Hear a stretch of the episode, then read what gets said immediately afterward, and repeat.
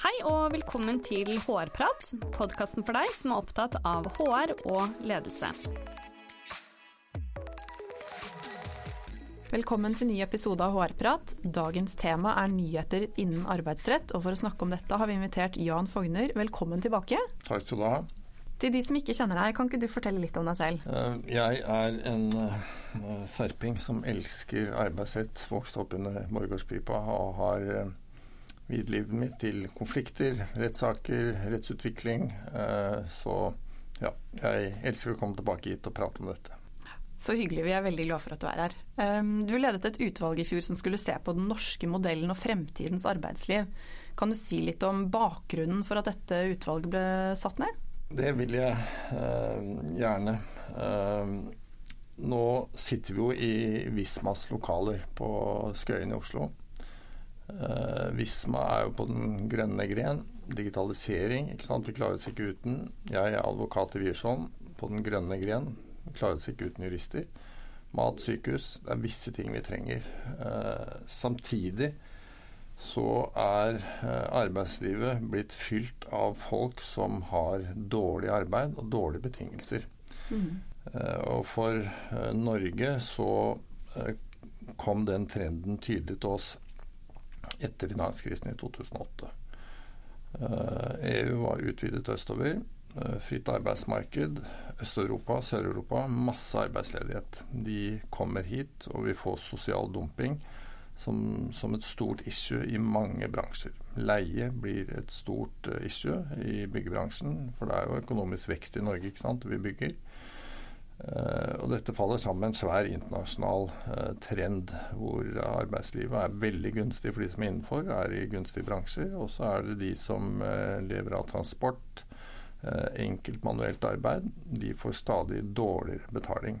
Når vi nå har høy arbeidsledighet etter covid, så skyldes jo det at mange av de eh, transportørene, de som har jobbet på restaurant i USA, og England, de finner seg ikke lenger i de dårlige betingelsene de hadde. Mm.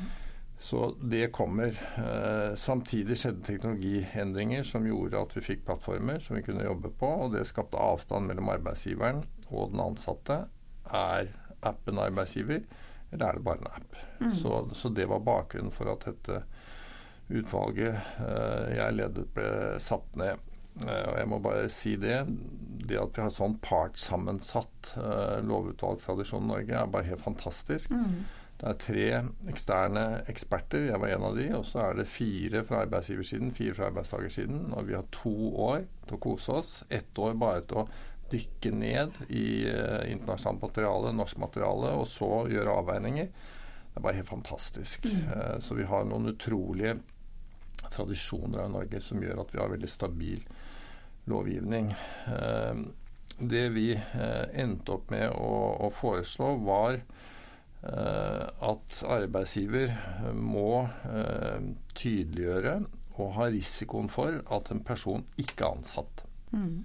Eh, det å være ansatt, ikke ansatt, er å være beskyttet, ubeskyttet. Og, og, veldig mange er i dag klassifisert som selvstendig uten at det er reelt. Det er en ny ting i Norge at arbeidsgivere nå bevisst feilklassifiserer fordi det er vanskelig å gå til sak. Det skal til Høyesterett. Høyesterett løser i saken tar tre år. Uh, og, og, det rekker ikke de folkene det er snakk om å, å, å stå i. Sånn at uh, vi foreslo at det er uh, en arbeidstakerpresumpsjon, og arbeidsgiver må godtgjøre hvis det er noe annet. EU har for uh, noen få uker siden kommet med et tilsvarende forslag. Så blir det også foreslått en omgåelsesnorm for å skjære gjennom konstruksjoner som ikke er reelle. Vi foreslår også tydeliggjøre hva som er innleie, for det kan være en diskusjon. Hva er det egentlig? Eh, og vi har noen andre eh, forslag også. Plikt til å ha verneombud f.eks. Det er mange virksomheter hvor det ikke er tillitsvalgte, og verneombud har en, en stor rolle. Mm.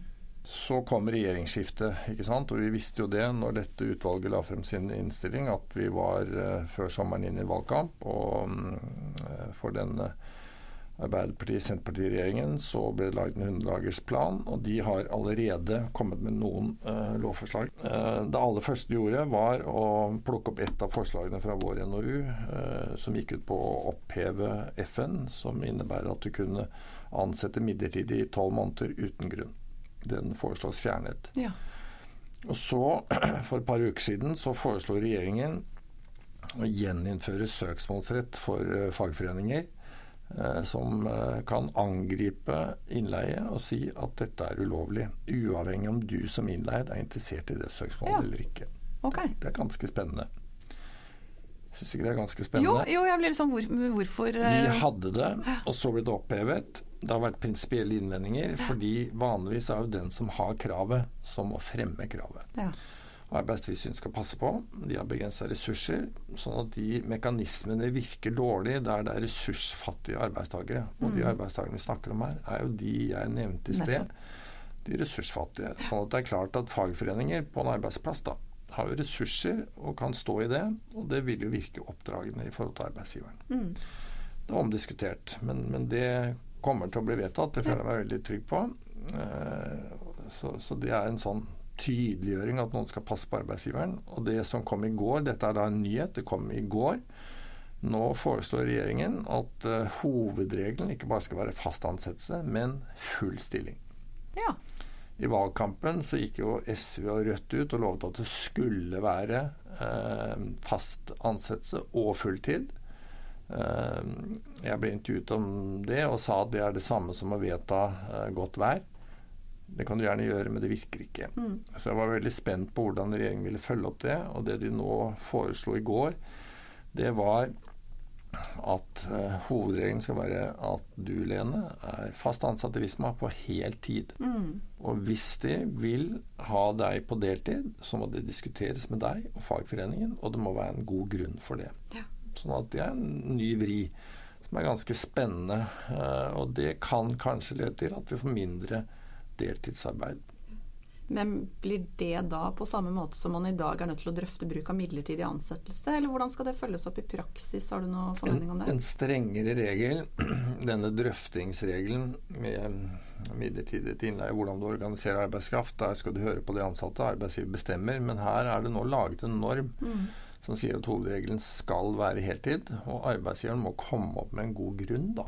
Et virksomhetsrelatert behov som tilsier at du må jobbe deltid. Mm. Uh, og det er klart at uh, turnusarbeid, sykehus, får vaktene til å gå opp. Det er jo der vi kommer til å få problemene. Vil det virkelig være nødvendig å ha deltid? Der er det jo mange forskere som peker på forskjell mellom industri, hvor menn har vært, hvor det jo ikke fantes deltid, det er jo turnusarbeid, og sykehus, som har vært kvinnearbeid, hvor det er turnus, men masse deltid. Mm.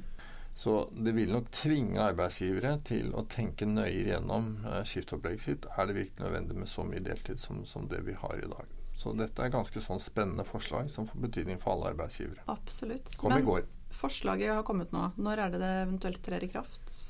Hvor lang tid har vi på å forberede oss? Ja, og det er et godt spørsmål. Det regjeringen nå har gjort, er litt unorsk. De har plukka ut noen forslag. eh, og det ene forslaget om å oppheve F-en har jo vært utredet. eh, mens dette er noe departementet foreslår gjennom et høringsnotat på 18 sider eller noe sånt nå. Så er det bare sendt ut.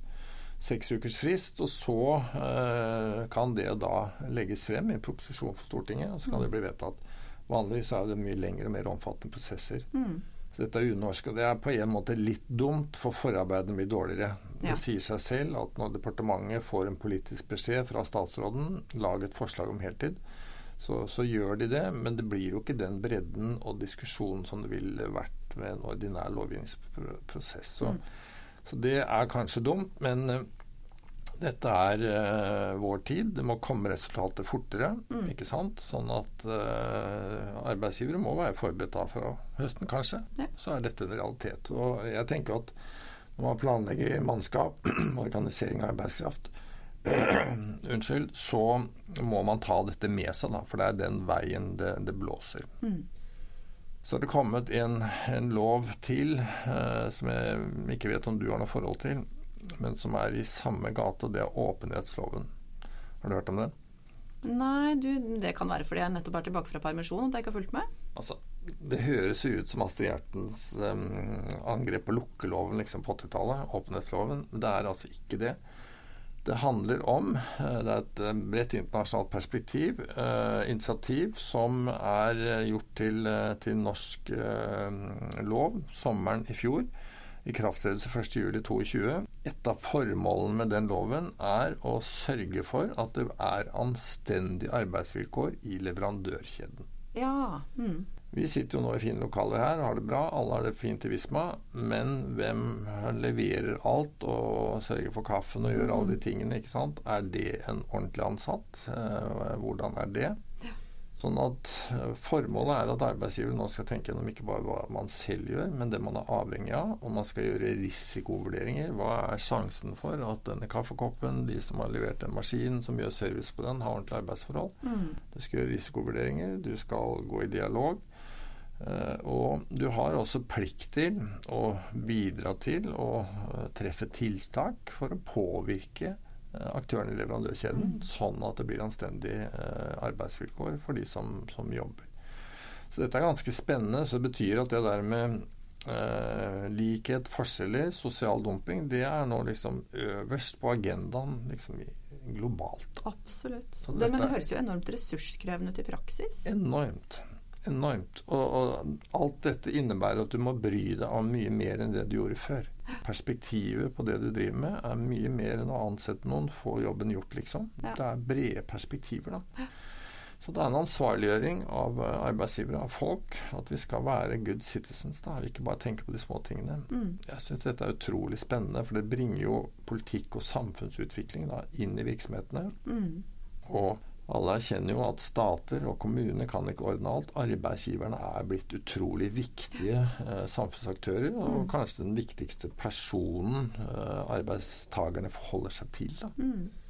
Så den rollen og forventningen arbeidsgiveren har, den er i utvikling. Så, så det tenker jeg er den viktigste beskjeden inn i 22.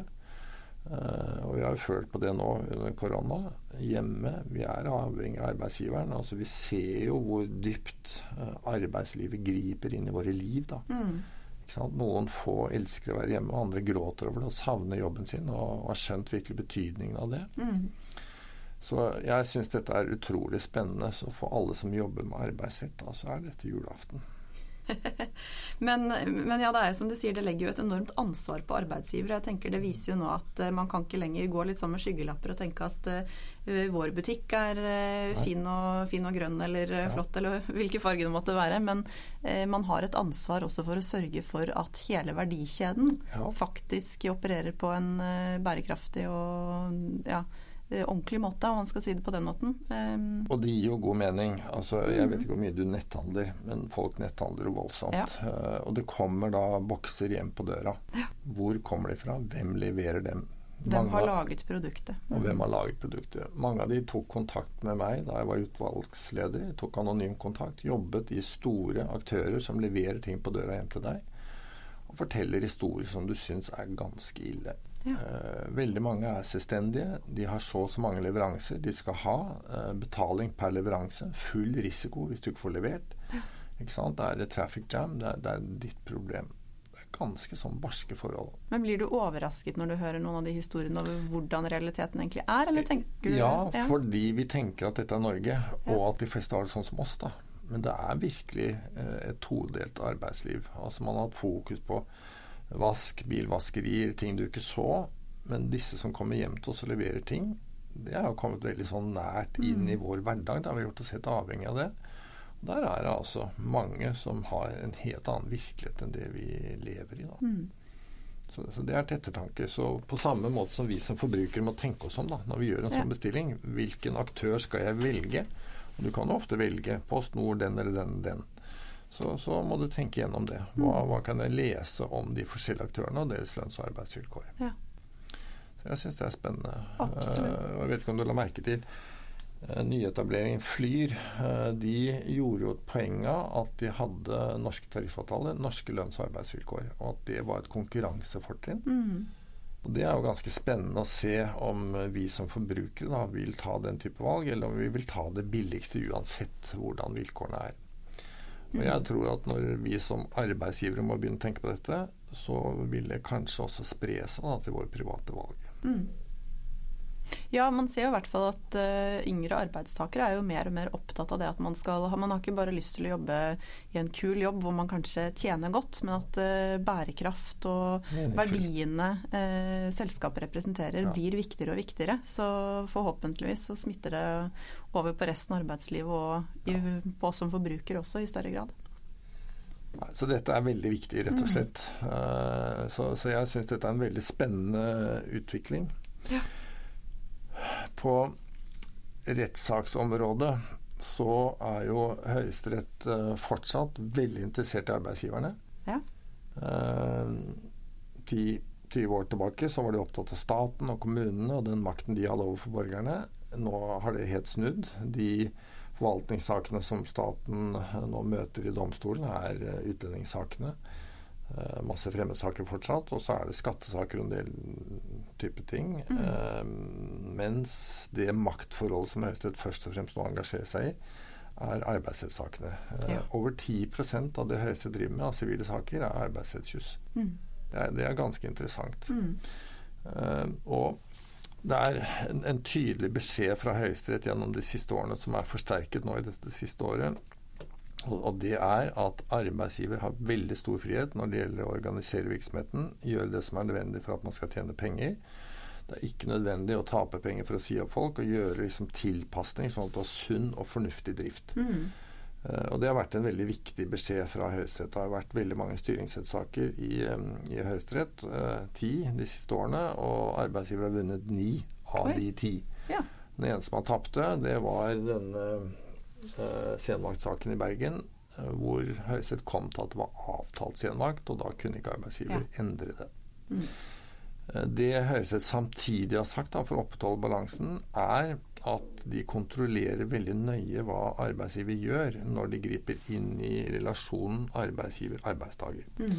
De har for det første engasjert seg veldig sterkt i det vi snakket om. Hvem er arbeidstaker? De har de senere årene hatt tre saker om, om det spørsmålet. Mm oppsigelsessaker. De går veldig nøye inn og tester. Jeg godtar at du har oppsigelsesgrunn, men er det denne som skal sies opp? Er kretsen riktig? Er kriteriene mm. riktige? Er det godt nok dokumentert? Ja. Så, så, det er eh, helt sentralt. Og så, hvis det er oppsigelser som skyldes den enkelte, så er eh, kontrollen nå mye sterkere enn før. Og man godtar nok mer av de ansatte nå enn tidligere. Ja. Og jeg skal gi et par eksempler på det. Uh, det var uh, to viktige oppsigelsessaker i overgangen fjor år. Uh, den ene er denne prøvetidsansettelsen av denne servitøren på restauranten oppe på Frogner. Mm. Servitører går jo fra en restaurant til en annen. Det er et lite marked. Dette var en utenlandsk servitør, søker jobb på en fine dining Frogner-restaurant. Sier han jobbet som servitør der og der, og denne perioden, på disse to årene, så gjorde jeg ikke noe virksomhetsrelevant. Han får jobben. Begynner, og så kommer det en kollega tilbake fra svangerskapspermisjon eller sånt, og kjenner han igjen fra en annen restaurant fra denne toårsperioden han har beskrevet som at han ikke gjorde noe relevant. Mm tar dette opp, og det blir eh, en uh, uenighet rundt dette, og arbeidsgiver uh, føler at det er vanskelig å stole på vedkommende, fordi uh, det kommer nå frem at han har jobbet på en annen restaurant mm. og vært innblandet i en konflikt i den perioden. Fortalte ikke om det, sier han opp i prøvetiden. Kan ikke stole på deg. Det er veldig viktig at jeg kan stole på deg. Høyesterett tilsidesatte den avgjørelsen. Ja. Og hvorfor det? Og Det var litt overraskende. Prøvetiden Høyesterett er helt tydelig på at terskelen for å si opp noen i prøvetiden er mye lavere enn ellers. Eh, samtidig så eh, går de inn og undersøker den konflikten han var i i den forrige restauranten. Eh, var det hans skyld, eller var det ikke hans skyld? Eh, det var en dom i den saken som kommer frem underveis i denne oppsigelsessaken. Eh, og servitøren vinner saken. Og Høyesterett sier da at da var det ikke noen grunn til å kritisere han for den konflikten. Mm. Han ble frifunnet. Og i en situasjon hvor han ble frifunnet, vel, så hadde han da ikke plikt til å opplyse om noe som var potensielt eh, negativt for seg. Så syns jeg un Høyesterett underkommuniserer at han løy eh, om hva han hadde gjort. Men de viser en slags sånn menneskelig forståelse for at han syns det var ubehagelig. Mm. Så, så Høyesterett underkjenner altså den eh, avgjørelsen. Eh, Det, var, det, er liksom ikke noe opplagt, men, men, det er et veldig tydelig signal da, om at de ser dette er en utenlandsk arbeidstaker. Han har vanskeligheter i det norske arbeidsmarkedet, kommet i en konflikt. Uh, han ble frifunnet for det. Det skal ikke bli holdt mot han neste runde. Så dette er et uttrykk for den utviklingen jeg har beskrevet da, fra 2008 og fremover. Det tar domstolen inn over seg. Det er folk i Norge som da må beskyttes kanskje mer, da. Så er det denne journalsnokingsdommen ja. som, eh, som kom akkurat nå. Uh, og hvor uh, en uh, sykepleier da, i, Rogaland blir sagt opp. nysgjerrig. samboerens tidligere partner, pasient, går inn, ser på. Ikke noe tjenestelig behov. Engasjerer seg også i en dialog med pasienten etterpå. En del av et slags sånn drama da, i denne trekanten. Mm. Eh, blir sagt opp. Hun uh, går til sak, uh, og det er jo et sånt trekk at folk finner seg ikke i ting lenger. Det er klart rettsbrudd. Uh, bare tjenestebehov. Det er lovregulert. helsetilsynet ga vedkommende en advarsel. Ja. Og LO, som representerte henne i retten, argumenterte med at når helsemyndighetene sier advarsel, så kan ikke arbeidsgiver si henne opp. Det er for drastisk. Eh, og Det er et veldig viktig spørsmål. ikke sant? Kan mm. arbeidsgiver ha egne normer, eller må vi legge oss på de lovnormene som myndighetene bruker? Mm. Uh, og Der er Høyesterett heldigvis veldig tydelig på at det er arbeidsgiver som setter sine standarder for hvordan det skal være. Og selv om helsemyndighetene ikke fratok henne retten til å være sykepleier, så kan arbeidsgiver ta henne ut av denne jobben, for tillitsforholdet her er brutt. Ja. Uh, men det var ikke rett frem. Sånn at uh, Høyesterett diskuterer, det er et klart avvik, men de går inn og gjør en nøye forholdsmessighetsvurdering av ulemper for henne som blir sagt opp, og fordelen for arbeidsgiver. Mm. Uh, I gamle dager så ville man sagt at uh, hadde du brutt en regel som var så tydelig, så var det ikke noe å snakke om. Mm. Og Høyesterett sier også her at denne avveiningen er ikke like åpen i en situasjon hvor det er du som kan klandres, men de foretar likevel en ganske bred vurdering. Mm. Så, så, det tenker jeg er en viktig beskjed til arbeidsgiver. At hvis noen har gjort noe feil, så er det ikke nok å konstatere feilen. Du må tenke gjennom hvilke konsekvenser det får. Mm. Og det, det, kan nok mange arbeidsgivere, og, og jeg også, kjenne på. At Jeg er litt i tvil om hvor smart det er. Fordi det er klart at um, dette er jo regler som sender signaler. Mm. Uh, hva er kontrollen av dette? Uh, det er stjele i butikker varehandel, tusenvis av ansatte. Der har regelen vært at hvis noen tar, så er det rett ut for å håndheve en, en, mm. en tydelig linje. Journaloppslag gjøres jo til tusener av ganger ikke sant, hver dag. Ja. Eh, og det er veldig viktig at vi kan stole på det når vi er pasienter. At de bare går og ser ja, på det, som er relevant. For det er jo egentlig relevant i ganske mange kontekster i, i, livet. En ting er når du er innlagt på sykehus eller går til fastlegen, men de fleste av oss har jo kundeforhold både her og der. Og jeg, jeg, tenkte før jeg skulle treffe deg i dag at jeg har jo senest ganske nylig en god venn som begynte å jobbe i banken hvor jeg selv er kunde. Ja, ikke sant? Og ikke at jeg har noe å skjule, men det er jo noe med hvilken tilgang, hvilke rutiner. Og så regner med at en stor norsk bank har gode rutiner for det. Ja. Men man vet jo ikke. Nei. Og så er spørsmålet skal det da være ok at en sykepleier eller rådgiver i en bank skal sitte og kunne undersøke etter egne interesser eh, når man ikke har et tjenestelig behov? Ja, jeg syns det er viktig å sende noen beskjeder mm. i den sammenheng. Og der syns jeg Høyesterett kanskje nå beveger seg ut i et litt sånn farlig landskap. Ja. Uh, et annet tilfelle som ikke er så gammelt, der er det en um, kabinansatt som bytter en vakt med en kollega uten å gi ordentlig beskjed og følge de reglene, ble sagt opp av flyselskapet. Ja. Høyesterett underkjente det og sa konsekvensen av det vaktbyttet var ikke så stort. Uh, men det er klart, denne flykapteinen som kom gjennom tollen på Gardermoen med sprit i, ikke deklarerte, han røk ut. Så, sånn at de, de har landa på rett side, men de sender en beskjed som kan indikere at dette er tvilsomt, og det vil bli flere saker om det. og det kan da redusere den avskrekkende effekten da, av, mm. den type regler.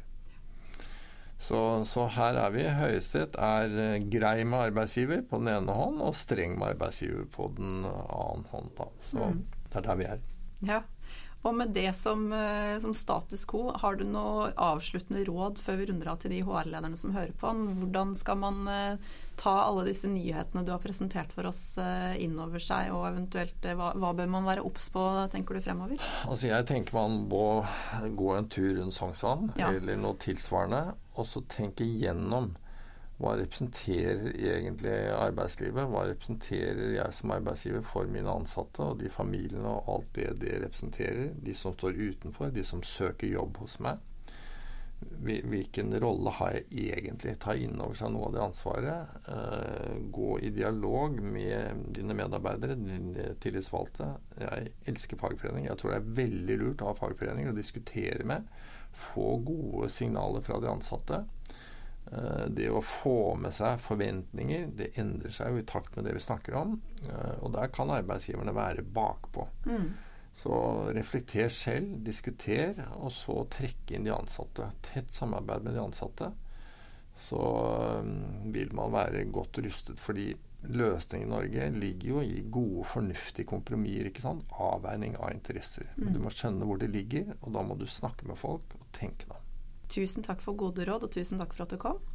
Veldig moro. Jeg kommer tilbake. Så hyggelig. Og til deg som hører på, vi prates. Hvis du har temaer eller spørsmål du ønsker vi skal diskutere, send oss gjerne en mail på hårpratatvisma.com.